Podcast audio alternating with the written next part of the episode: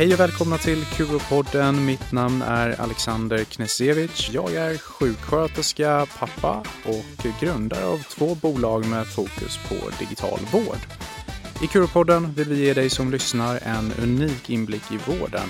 Här intervjuar vi framgångsrika entreprenörer, ledare i hälso och sjukvården, varumärkesexperter, näringslivsprofiler och andra intressanta människor. Vi bjuder på okonventionella sanningar, hemligheter och pratar om hur allt är. Men kanske framför allt om hur allt borde vara. Curopodden är en podd som drivs av Curoflow. Curoflow levererar säkra och användarvänliga molntjänster till framförallt vårdsektorn.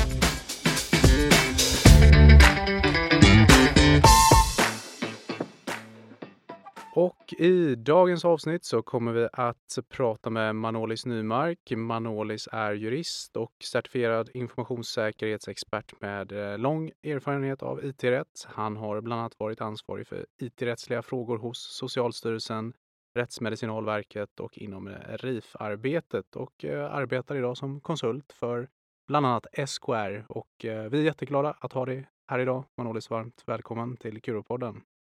Tack så mycket. I dagens eh, avsnitt så kommer vi prata ganska mycket om GDPR och informationssäkerhet. Eh, ett ämne som är ganska relevant just nu i medierna och, och omskrivet på olika sätt. Eh, men innan vi går in på det, eh, jag gav ju en beskrivning här av dig. Skulle du vilja eh, berätta vad, vad du har jobbat med och, och din bakgrund lite utbildningsmässigt och arbetsmässigt? Jag är ju som du sa grund och botten jurist har väl de senaste 20 åren jobbat som dataskyddsjurist, alltså jobbat med integritetsfrågor av olika slag, främst inom vård och omsorg.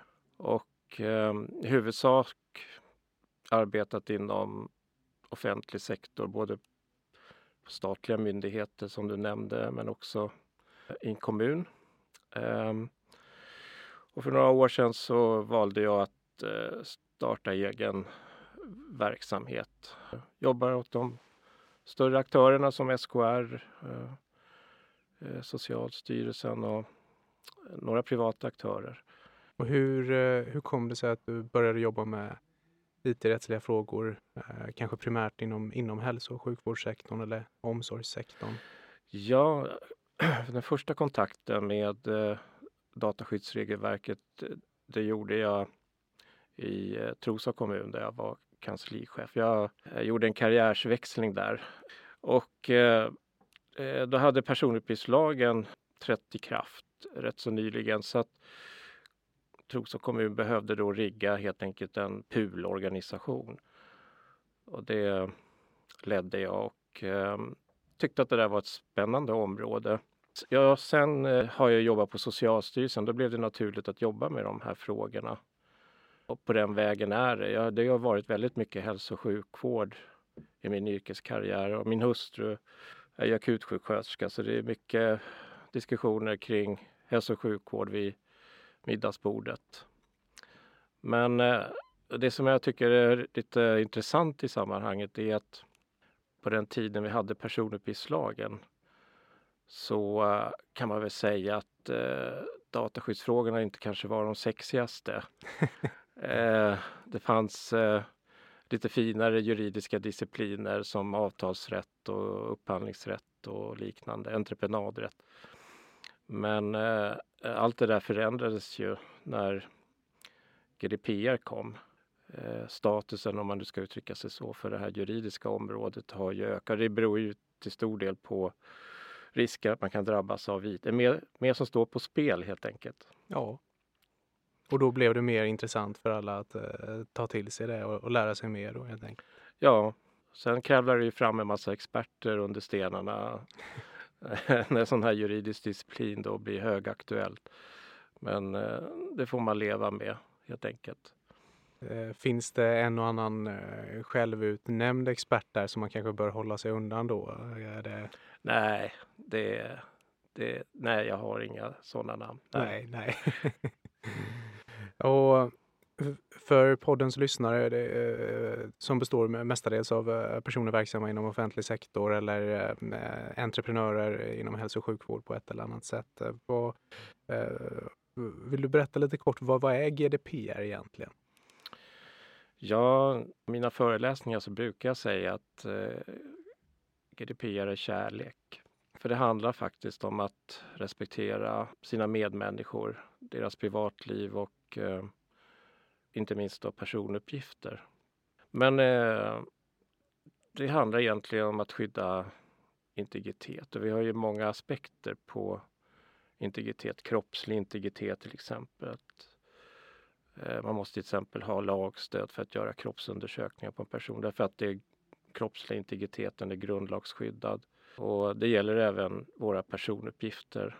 Ehm, så att ehm, det är ett regelverk helt enkelt för att värna om eh, hanteringen av varje enskild persons eh, personuppgifter. Men vad man ska komma ihåg när det gäller GDPR, det är att integritetsfrågorna är egentligen inte i fokus enbart, utan tanken bakom GDPR och eh, dess företrädare, eh, dataskyddsdirektivet, det var ju att främja rörligheten av produkter och tjänster inom EU och framförallt säkerställa att eh, inget land stiftade lagar som höjde integritetströskeln och därmed kunde utgöra handelshinder. Så att eh, det glömmer man bort att GDPRs syfte är att kunna främja ett fritt flöde av personuppgifter även om det inte kanske är det första man tänker på. Man tänker mer på att det är hindrande för ett utbyte av personuppgifter. Men så det är en av grundtankarna, att eh, främja den fria rörligheten av produkter och tjänster inom EU och EES-området. Ja, men det var en eh, ny eh, insikt för mig och när du säger det så låter det ju väldigt naturligt att det ska vara samma spelregler för, för alla. Då. Ja, verkligen eh, intressant. Och, och som vi har varit inne på lite grann då så eh, har det ju blivit mer sexigt att prata om GDPR då kanske, eller intressant om inte annat. Eh, och eh, det, det, finns ju en, en man med ett efternamn vid namn Schrems och Eh, en dom då som föll förra året som under sommaren, Schrems 2-domen. Eh, för att fortsätta på, på spåret här, vill du berätta lite vad det är för dom och vad, vad det har med GDPR att göra? Ja, Maximilian Schrems, han eh, är väl rockstjärnan inom dataskydd just nu. Han är ju en österrikisk jurist och internetaktivist. Men han eh, letade sig på eh, att eh, den överenskommelse som fanns mellan eh, Eh, EU och eh, USA om eh, överföring och skydd av personuppgifter i USA, att det höll inte liksom måttet, att det inte det gav inte tillräckliga skyddsgarantier och inte heller några effektiva rättsmedel då för EU-medborgare. Och eh, då klagade han hos den irländska dataskyddsmyndigheten på, på att eh, Facebook då inte kunde ge de här garantierna till skydd eh, inom ramen för den överenskommelsen. Nu ska man komma ihåg att eh, den ehm, överenskommelse som eh, Schrems 2 handlar om, det är ju Privacy Shield. Men han sänkte ju en annan överenskommelse, nämligen Safe Harbor, innan dess. Och det här visar ju att rättsläget på det här området kan bara skifta över en dag. Det som var tillåtet en dag kan vara otillåtet nästa.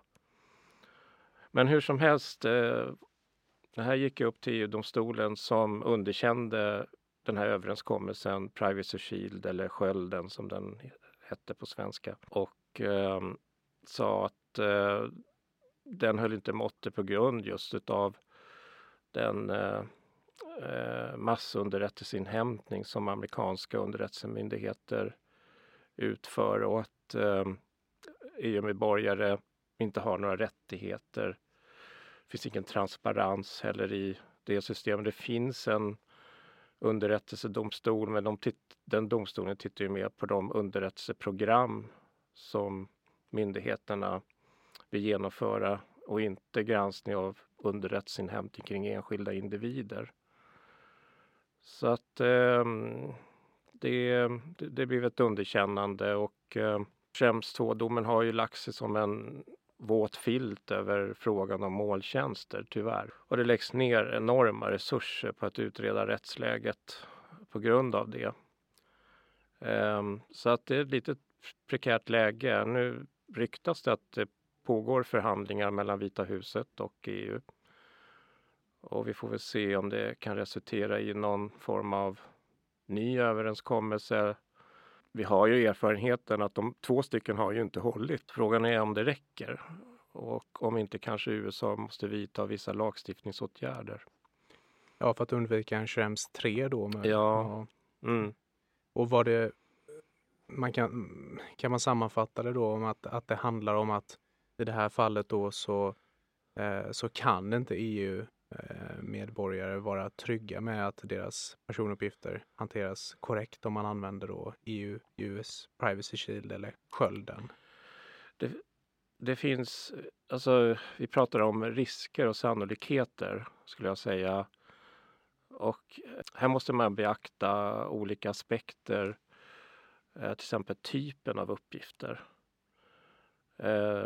Men för att ge ett kort svar, ja finns en risk för otillåten behandling eh, såvida ja, en leverantör som bedriver verksamhet inom EU får en begäran inom ramen för en annan lagstiftning som heter Cloud Act från en amerikansk domstol eh, för brottsutredande syften. Och eh, domstolen kan ju också förelägga den här leverantören ett yppande förbud mot de kunder vars uppgifter leverantören hanterar Eh, man ser ju också i de här molntjänstavtalen att de amerikanska molntjänstleverantörerna friskriver sig ju från den här situationen. Eh, till och med friskriver sig just från skyldighet att underrätta så vidare de blir ålagda ett förbud att yppa utlämnandet.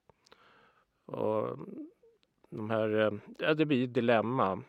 Eh, GDPR ställer ju krav på personuppgiftsbiträden att de ska kunna ge tillräckliga garantier för dataskydd. Det här reser ju frågan då, när de har de här friskrivningarna, kan de ge de garantierna då? Ja, eh, det, det är ju en... Eh, mm, eh, jag vet ju vad jag hade svarat på den frågan om den var ställd till mig och skulle väl sagt nu brukar jag sällan eh, kanske vädra just min åsikt på det viset, men, men jag skulle säga nej då, att man kanske inte kan ge de garantierna. Och vad, vad innebär det här för... Vi har ju svenska företag som i sin tur då använder eh, amerikanska eh, molntjänster och, och, det är fortfarande inte alls ovanligt att man i sina integritetspolicies eller avtal av olika slag använder eh, Privacy Shield som, som, som en mekanism. Ehm, Finns det för lite kunskap bland eh, både privata och offentliga kunder att kontrollera underleverantörer till leverantörer? Vad, vad, vad, tror du eh, i generell kontext då utan att eh, prata om någon specifik organisation? Jag tror att eh, kunskapen varierar. Det, det, här är ett rätt så komplext område.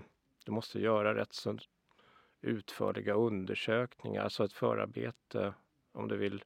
Ja, som en kommun till exempel nyttja en ny app. Pratar vi stora aktörer, stora företag, stora myndigheter så har de resurserna att göra de här undersökningarna och kanske även resurserna att hitta andra alternativ. Eh, till och med kanske egen utveckling. Medan mindre aktörer inte riktigt har kompetensen, resurserna eller förmågan att hitta andra, andra alternativ än de eh, molntjänster som idag tillhandahålls av de stora aktörerna. Jag menar, det finns ju stora nyttor med molntjänster, det vet vi ju. Lastbalanseringen, att betala bara för den kapacitet man använder och i övrigt så är de väl rätt så måna om också att ha ett bra eh, skydd för uppgifterna och det blir ju tilltalande för till exempel mindre kommuner. Um, de har inte liksom utrymmet eller lyxen att kunna hitta några andra, andra alternativ. Eh, så att ehm, det är det jag menar att det här är ett problematiskt område som egentligen inte bara handlar om juridiken utan att kunna bedriva sin verksamhet effektivt med de resurser man har. Och det, det är ju såklart ett, ett, eh, det är ju en relevant mm, punkt att ta upp, att, att det behöver ställas i relation till vad man faktiskt klarar av inom organisationen eller kommunen. Men, men rent rättsligt då så mm, har jag uppfattat det rätt i att rent rättsligt så, så är det en, en icke-fråga i att du får inte använda eh, amerikanska molntjänster eh, enligt GDPR då. Först ska jag säga att det finns olika uppfattningar. Jag företräder en uppfattning att man kan ha en riskbaserad approach till den här frågan och eh, det finns det de som anser att eh, anlitande av molntjänster från en aktör som omfattas av en extraterritoriell lagstiftning som Cloud Act, det går inte alls. Men jag, jag menar på att det beror på vad det är för typ av eh, uppgifter, omfattningen av personuppgiftsbehandlingen och liknande. Och i vissa lägen så håller jag med om att pratar vi till exempel patientuppgifter så eh, skulle jag nog säga att det är olämpligt. Eh, men mer vanliga personuppgifter och mer harmlösa uppgifter så, så skulle det kanske vara eh, tillåtet eh, med stöd av EU-kommissionens eh, standardavtalsklausuler och en bedömning där man kanske kan konstatera att risken för att eh, leverantören eller underrättelsemyndigheter inom ramen för sina underrättelseprogram ta del av de här uppgifterna är minimal. Så att eh, det är det jag menar, man, man, man måste ha riskbaserad approach. Jag menar GDPR har det utrymmet. Jag tycker man kan läsa det i Schrems 2-domen också. Så att eh, det är mitt svar. Vi kan väl säga så här att eh, Skatteverket ihop med ett antal andra myndigheter har ju gått eh, ganska hårt åt eh, framförallt Teams och, Zoom då som, som videokommunikationstjänster och, och, av personuppgifter. Och det finns det ju gott att läsa om och se om och där har man ju kommit med ett antal andra förslag och sen så ganska nyligen faktiskt då. Eh, och så kommer det från andra håll då, exempelvis regioner där man, där man säger att men, vi har inte hört talas om de här tjänsterna som, som ni föreslår då exempelvis. Hur, hur, hur viktigt är det att man har hört talas om tjänsten då, Teams eller sådär? Ligger det i, ligger det i själva igenkänningsfaktorn? Eller var i ligger problemet om man inte hört talas om en tjänst? Kan man inte använda de tjänster som, som Skatteverket har föreslagit? Eller vad, vad tror du, liksom, var är konflikten där? Det är väl just att eh, de inte kanske så kända och beprövade, om vi använder det uttrycket. Eh, återigen så måste man väl ha en organisation som också kan testa de här alternativa mm, digitala plattformarna, om vi nu ska kalla det för det. Jag tror väl att eh, man kommer eh, inom den offentliga sektorn att titta på den lista av olika applikationer som eh, ESAM då, som är ett nätverk för statliga myndigheter, eh, tagit fram. Men jag, jag, jag själv är inte så bekant med många av de här tjänsterna. Men jag tycker att eh, jag tycker det är vällovligt det de har gjort. Eh, ett vällovligt arbete som kommer underlätta för eh, myndighetssektorn att titta på andra alternativ. Men jag vill bara framhålla en sak och det är ju just att eh, ägarförhållandena bakom de här tjänsterna man måste komma ihåg att de kan också snabbt förändras. Att eh, bolag som är europeiskt plötsligt köps upp av en av de stora giganterna på molntjänstområdet. Så att man, är inte, man har inte helt eliminerat riskerna för otillåten behandling av personuppgifter bara för att man väljer någon av de här aktörerna. Så att det är viktigt att komma ihåg. Ja. Så, så vi, vi gör det lite ytterligare komplicerat då med att addera också den aspekten då att det kanske är ett svenskt eh, företag som, som inte använder sig av eh, tredjepartslösningar från USA utan hanterar och lagrar uppgifter på, på ett korrekt sätt. Men det företaget i sin tur kan bli uppköpt av ett amerikanskt bolag då någon gång och då förändras mm. förhållandena. Eller att det är ensamägare och som säljer en dag företaget till någon av aktörerna. Ja, och vi har ju varit inne lite på ett begrepp som heter Cloud Act eh, och så finns det eh, FISA 702 också. Eh, vill, vill du berätta lite vad, vad är Cloud Act för mm. någonting? Cloud Act är en amerikansk lagstiftning för e-bevisning, alltså bevissäkring utav e-bevisning, digitala uppgifter Ehm, och som innebär att eh, amerikanska myndigheter via domstol kan gå direkt på amerikanska leverantörer oavsett var i världen de befinner sig och eh, undviker då medvetet eller omedvetet att använda sig av internationell rättshjälp. Därför att det är enklare helt enkelt att göra så. Det är omständligt när man ska vända sig till brottsutredande myndigheter i ett annat land bevisningen kan förstöras eller försvinna. Så att eh, det är eh, kärnan då i Cloud Act och eh, eh, som jag sa tidigare så kan ju då domstolen på begäran då använda en amerikansk brottsutredande myndighet ålägga leverantörer ett yppandeförbud och då får ju aldrig en svensk myndighet som då anlitat leverantören få reda på att det har skett ett röjande här utav personuppgifter. Um, och sen har vi då um, FISA 702. Um, ehm, och det finns också en uh, presidentorder i sammanhanget som brukar nämnas. Men det är uh, en akronym för en lagstiftning för uh, amerikanska underrättelsemyndigheter att inhämta underrättelseinformation för skydd av riket helt enkelt.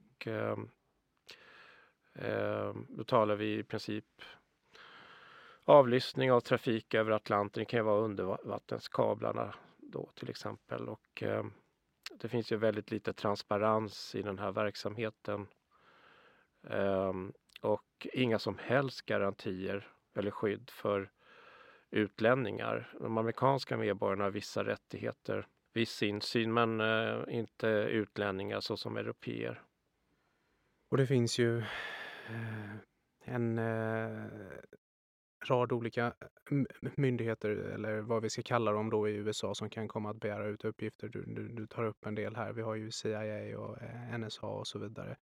Um, hur orolig bör gemene man eller kvinna vara för att ens uh, personliga uppgifter hamnar i USA på ett eller annat sätt hos någon som inte ska ha dem? Och, ja, det kan ju vara hälsouppgifter men det kan ju vara andra uppgifter av olika slag då. Ehm, jag vet att regionerna är väldigt känsliga just eh, för amerikanska molntjänster och eh, försiktiga med att använda den typen av tjänster själva eller via eh, leverantörer. Ehm, för mig tycker jag att du gjorde en, en, en, när, vi, när du i början berättade om vad GDPR är och, och liknelsen till, till eh, integriteten eh, man, man har eh, kring sin kropp exempelvis. Så att, det, att det handlar om att man ska veta att de uppgifter som, som cirkulerar i molnet, att de hanteras på ett korrekt sätt och, och, på samma sätt som man förväntar sig ett visst bemötande av en vårdprofessionell utövare, läkare, sjuksköterska eller annan om man, om man ska in på en fysisk undersökning och att, att, eh, mm. att det går eh, rätt till. Så, så en, en hygienfaktor även om risken är väldigt liten och risken skulle ju då kunna vara, eller jag bedömer ju risken som väldigt liten att om jag går in hos läkaren eh, kring något besvär som kräver en fysisk undersökning, att den läkaren skulle kränka min eh, kroppsliga integritet på samma sätt så tror jag att risken är liten eh, för att mina personuppgifter hamnar hos CIA. Men jag, skulle likväl eh, inte vilja att varken det ena eller andra egentligen mm. var, var, var, möjligt då. Och att mm. det fanns konsekvenser för om, om det faktiskt skedde då. Eh, så. Mm. Och uppgifter i vården då, är de, är de av särskilt intresse att, att, att hålla säkra i förhållande till andra uh, uppgifter då? Eller är det... Ja, ja. Det, så är det. Um, och det ehm, skulle jag säga, det följer ju av eh, begreppet eh, god vård som vi har i hälso och sjukvårdslagen. Att, eh, och det tror jag följer direkt av hälso och sjukvårdslagen att innebörden av det är just att skydda den personliga integriteten och respektera individens självbestämmande. Det, det just konfidentialiteten, tystnadsplikten vi har inom hälso och sjukvården eh, syftar ju till att jag ska kunna öppna mig som patient för hälso och sjukvårdspersonal, berätta om mina medicinska problem utan att det sprids till tredje part helt enkelt, att det stannar mellan mig och den vårdgivaren. Så det, det är väldigt viktigt, ja. Och eh, om vi hoppar över lite från just GDPR-frågan och, och, och, pratar om eh, säkerhet i allmänhet och vad, vad tror du, vad, vad, står vi inför för typ av, av potentiella eh, hot här eh, i framtiden när det gäller cyberattacker och liknande? Ser du att det kommer öka generellt eh, sett eller mm, vad, vad, är din syn på, på det? Ja, jag, eh, eh, jag har nog kanske lite svårt att uttala mig eh, på det området. Ehm, jag, jag gör den här indelningen ehm, interna och externa risker och ehm, ja, pratar vi externa risker, cyberhot, så tror jag att eh, eh, vi kommer se en fortsättning på det helt enkelt. Det är någonting man måste ta höjd för. Um, och det är därför EU jobbar med en cybersäkerhetsakt också. Men jag jobbar ju mest med de inre riskerna. Alltså pratar vi ju allt ifrån uh, uh, att man utför en personuppgiftsbehandling som inte är tillåten. Vi har ju pratat molntjänster. Uh, till att um, man har en registerförfattning med fastställda ändamål men börjar glida på de ändamålen som mm. finns där. Ehm, till ehm, eh, behörighetstilldelning och ehm, ja, helt enkelt en brist i följsamheten till det regelverk vi har och till vår nationella lagstiftning när det gäller personuppgiftsbehandling. Så det är där jag rör mig väldigt mycket. Inte så mycket kanske de tekniska åtgärderna, mest de organisatoriska åtgärderna som man måste ha på plats. Jag förstår. Då tycker jag vi, vi håller oss kvar eh, ytterligare här vid GDPR eftersom det är en eh, högintressant fråga tycker jag och, och, lite roligt att höra också e-, eftersom du har jobbat inom offentlig verksamhet och, och ja, fortfarande gör det indirekt kanske så. Eh, vad, vad, vad, gör man eh, inom offentlig sektor då? Vi har ju pratat om ESAM och, och de statliga myndigheterna, men eh, hur, hur, ser arbetet ut idag och vad jobbar man med eh, just vad gäller GDPR-frågor? Ja, det, det bedrivs arbete ehm, på eh, olika nivåer. ESAM då, som är ett nätverk för dataskyddsrelaterade frågor, IT-rättsliga frågor, jobbar ju aktivt med de här frågorna. Eh, inom den kommunala sektorn så bedriver ju Sveriges kommuner och regioner ett aktivt arbete. Eh, SKR-koncernen och där ingår ju Adda och Inera har ju till exempel tagit fram eh, personuppgiftsbiträdesavtal som används i rätt så stor omfattning inom den kommunala sektorn, även av andra aktörer har jag förstått.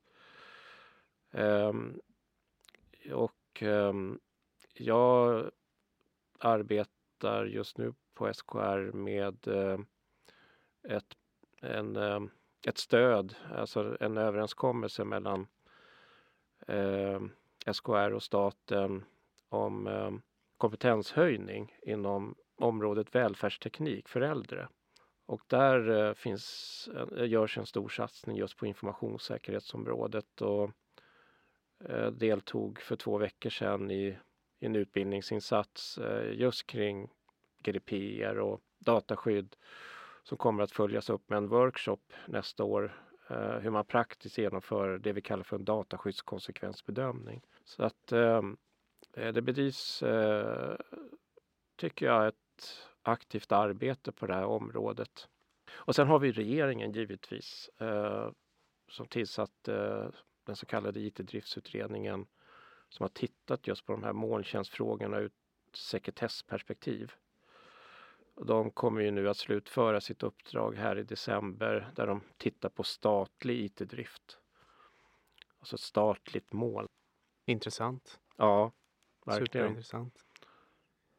Och annars eh, så är ju digitaliseringen eh, på en allt eh, starkare frammarsch i, eh, samhället inom olika sektorer och hälso och sjukvården har ju fått ett rejält uppsving med Vision e-hälsa 2025 och i, i det så kommer det ju många nya möjligheter på hur vi kan hjälpa patienter på distans på ett eller annat sätt med, med digitala lösningar. Eh, hur, hur ser du på den utveckling som sker generellt sett i hälso och sjukvården när det gäller digitalisering? Är det positivt? Ja, det är det. Eh, det är det som gör det här området så spännande. Eh, just den här dynamiken. Men det innebär ju samtidigt utmaningar därför att digitaliseringen blir ju lätt en trång sektor juridiskt sett därför att juridiken inte hänger med. Och ett problem tycker jag idag med hänsyn till att digitaliseringen går så snabbt det är att när vi väl får ny lagstiftning på plats då har liksom tåget lämnat stationen. Därför att lagstiftningsarbetet är en rätt så trög process där eh, ledtiden är ja, mellan 15 till 24 månader innan man liksom har en ny lagstiftning på plats. Så jag skulle vilja se att vi börjar jobba mer iterativt med lagstiftningen. Och eh, inte kanske tillsätta de här utred, statliga utredningarna som tar ett år på sig utan man har mer liksom en, eh, en support på regeringskansliet där man äskar eh, reformbehov av olika slag och där man kanske jobbar mer departementalt med de här frågorna, arbetsgrupper där det ingår representanter från ja, Sveriges kommuner och regioner till exempel. Och eh, ta fram en departementspromemoria med ett förslag till lagstiftningsändring. Och att man jobbar liksom, ja, tätt med de här förslagen eller täta stegvisa förändringar istället för att man kommer med en utredning på tusen sidor och en väldigt omfattande lagstiftning som eh, kan ibland vara svår att genomföra. Det har vi ju sett exempel på. Mm. Ja, vilken eh, intressant uh, idé. Uh, ett bra förslag som jag hoppas att någon väldigt högt uppsatt sitter och lyssnar på nu och tänker ja. det, där, det där ska vi göra slag i saken på. Uh, det låter ja. som att vi, vi, skulle kunna jobba snabbare då. Ja, jag tror vi måste göra det. Vi måste hitta nya former för att hänga med i digitaliseringen och ligga på framkant, inte minst för att uppnå då målen i vision. Eh, alltså vision e-hälsa 2025. Nej, men jag, när, när man pratar med beslutsfattare och politiker så, så, så finns det ofta en vilja och, och, det är ju en bra början. Men då pratar man oftast om organisatoriska, tekniska och juridiska hinder att få ihop det här. Eh, då. Eh, och det är ju du inne på nu, juridik, eh, juridiken då, hur kanske trögrörligt det kan vara då. Ja, ska finnas en viss tröghet eh, givetvis. Ehm, men ehm, det kanske är lite för trögt det system vi har idag för att eh, producera ny, ny lagstiftning. Men eh, digitaliseringen inom sjukvården men även inom socialtjänsten, jag tänker just då på välfärdsteknik, går ju snabbt framåt och ehm, eh, jag ser fram emot när vi en dag kan lämna den här reparationsverkstaden och gå mer mot att jobba med förebyggande service genom större datorkraft och eh, AI eller prediktionsmodeller och jobba mer hälsoförebyggande, hälsofrämjande och där jag tror att även marknadens aktörer har en uppgift att befrämja hälsa och låta oss själva monitorera vår egen hälsa. Eh, det är inte nödvändigtvis så att sjukvården ska göra det för alla. Eh, så att ehm, eh, det, är en spännande, en jättespännande utveckling. när Det gäller just hemmonitorering, ja överhuvudtaget det här med preventiv vård. Ehm, där eh, räcker inte patientdatalagen som reglerar just vårdgivares personuppgiftsbehandling den är ju en produkt av en reaktiv vård. Så att ska vi gå eh, mer mot nära vård och mer förebyggande vård så behöver vi se över eh, patientdatalagen. Det är från 2008 så att det är ju, det är ju 12-13 år. Eh, den är, så den är, den är rätt så gammal, kan behöva ses över.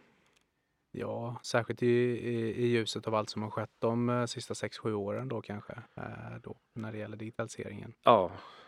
Och hur stor uh, roll kommer digitaliseringen spela i, i vården ja, de närmsta 10-20 åren? Är den avgörande? Ja, det tror jag nog. Men det jag undrar över ibland, vad kommer det här att leda till? Därför att det finns nog ingen tvekan om att eh, möjligheten i framtiden att kunna predicera till exempel att du utvecklar en eh, sjukdom, kanske typ 2 diabetes om 10 år. Eh, det ger ju möjligheter då att kanske ge förebyggande insatser. Gentekniken har kommit så långt så att man kanske till och med kan bota, vad vet jag. Men eh, det kommer innebära kostnadsbesparingar och eh, hälso och sjukvård idag är ju frivilligt, helt frivilligt. Men eh, jag tror vi kommer få en rättspolitisk debatt någon gång i framtiden där den här frågan kanske ställs på sin spets att man kan man liksom avstå från den här möjligheten att få en screening för att upptäcka eh, folkhälsosjukdomar som vi vet kostar samhället mycket pengar men som man kan undvika genom tidiga insatser. Um, jag har inga svar på den frågan. Det känns lite stötande att folk ska tvingas till en undersökning. uh, men jag tror att vi kommer hamna där i en sån diskussion i alla fall. Det tror jag nog. Mm. Och för min egen del som, som jobbar eh, aktivt med eh, digitalisering i vården på daglig basis och försöka hitta sätt att eh, ge vården verktyg att jobba mer effektivt och kunna hjälpa fler patienter på ett förhoppningsvis bättre sätt. Så vi brukar ofta prata om, om vi tittar på den stora skalan, den demografiska förändringen i samhället, att vi blir, vi blir fler invånare, vi blir äldre och med ålderdomen så kommer fler sjukdomar och vi kan bara producera så pass många sjuksköterskor och läkare eh, och psykologer och andra vårdprofessionella såklart. Eh, så, så vi måste egentligen kunna hantera fler patienter på eh, färre människor, färre vårdprofessionella. Och nu, nu, pratar vi om preventiv vård här tidigare, men ja, det, det, det, är min förhoppning att vi ska, ska, kunna med också digitala verktyg hjälpa fler människor med en mindre tidsinsats. Då. Mm. Jag jag tror att det är, jag tror det är nödvändigt. Eh, mm. Ja, vi pratade ju om digitalt först. Eh, ja. Vad det egentligen innebär svårt att veta men det handlar väl precis om det du säger att kunna nyttja digitaliseringen i större utsträckning för att ge en god och säker vård. Mm. Ja, Eh, Eh, jag vet inte vad, vad ni tycker som lyssnar, men för mig har det varit ett eh, superintressant eh, avsnitt och eh, nu har vi eh, tre frågor kvar. Eh, och eh, den första frågan är, kan vara både professionell men också personlig och eh, vi undrar vad, vad, vad du ser som framgång för dig?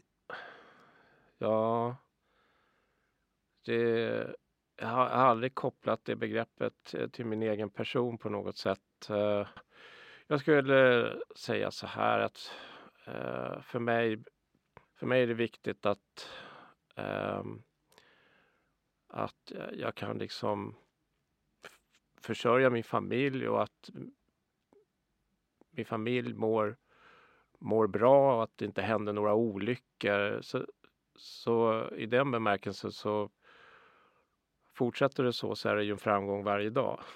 Ja, det var det var kul att höra. Det, jag tror det är första avsnittet som vi får ett eh, personligt perspektiv på det svaret. Så, ja.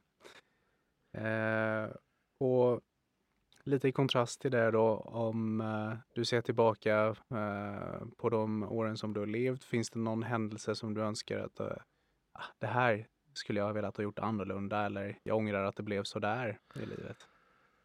den frågan är faktiskt rätt så lätt och då är mitt svar är nej. Det betyder inte att jag har varit med om svårigheter och utmaningar i livet. Men eh, jag, jag ångrar inte. Eh, därför att jag har dragit så stor lärdom av det som hände och blivit lite klokare. Så att eh, nej, jag ångrar ingenting. Mm. Det, det låter ju jättebra. och eh, sist men inte minst då, eh, närmaste tiden här, eh, snart är det jul och eh, därefter kommer det 2022 och 2023. Vad ser du fram emot de kommande månaderna och åren här? Temat idag har ju varit mycket hälsa, alltså sjukvård. Så att min önskan är att jag själv kan behålla hälsan och, och, att den finns också hos min hustru och mina två barn. Så det, det är min önskan här framöver. Fantastiskt. Ja, och med det så tackar jag så mycket för att du ville komma och gästa oss här i, i Kurupodden. Tack, tack. Ja, tack.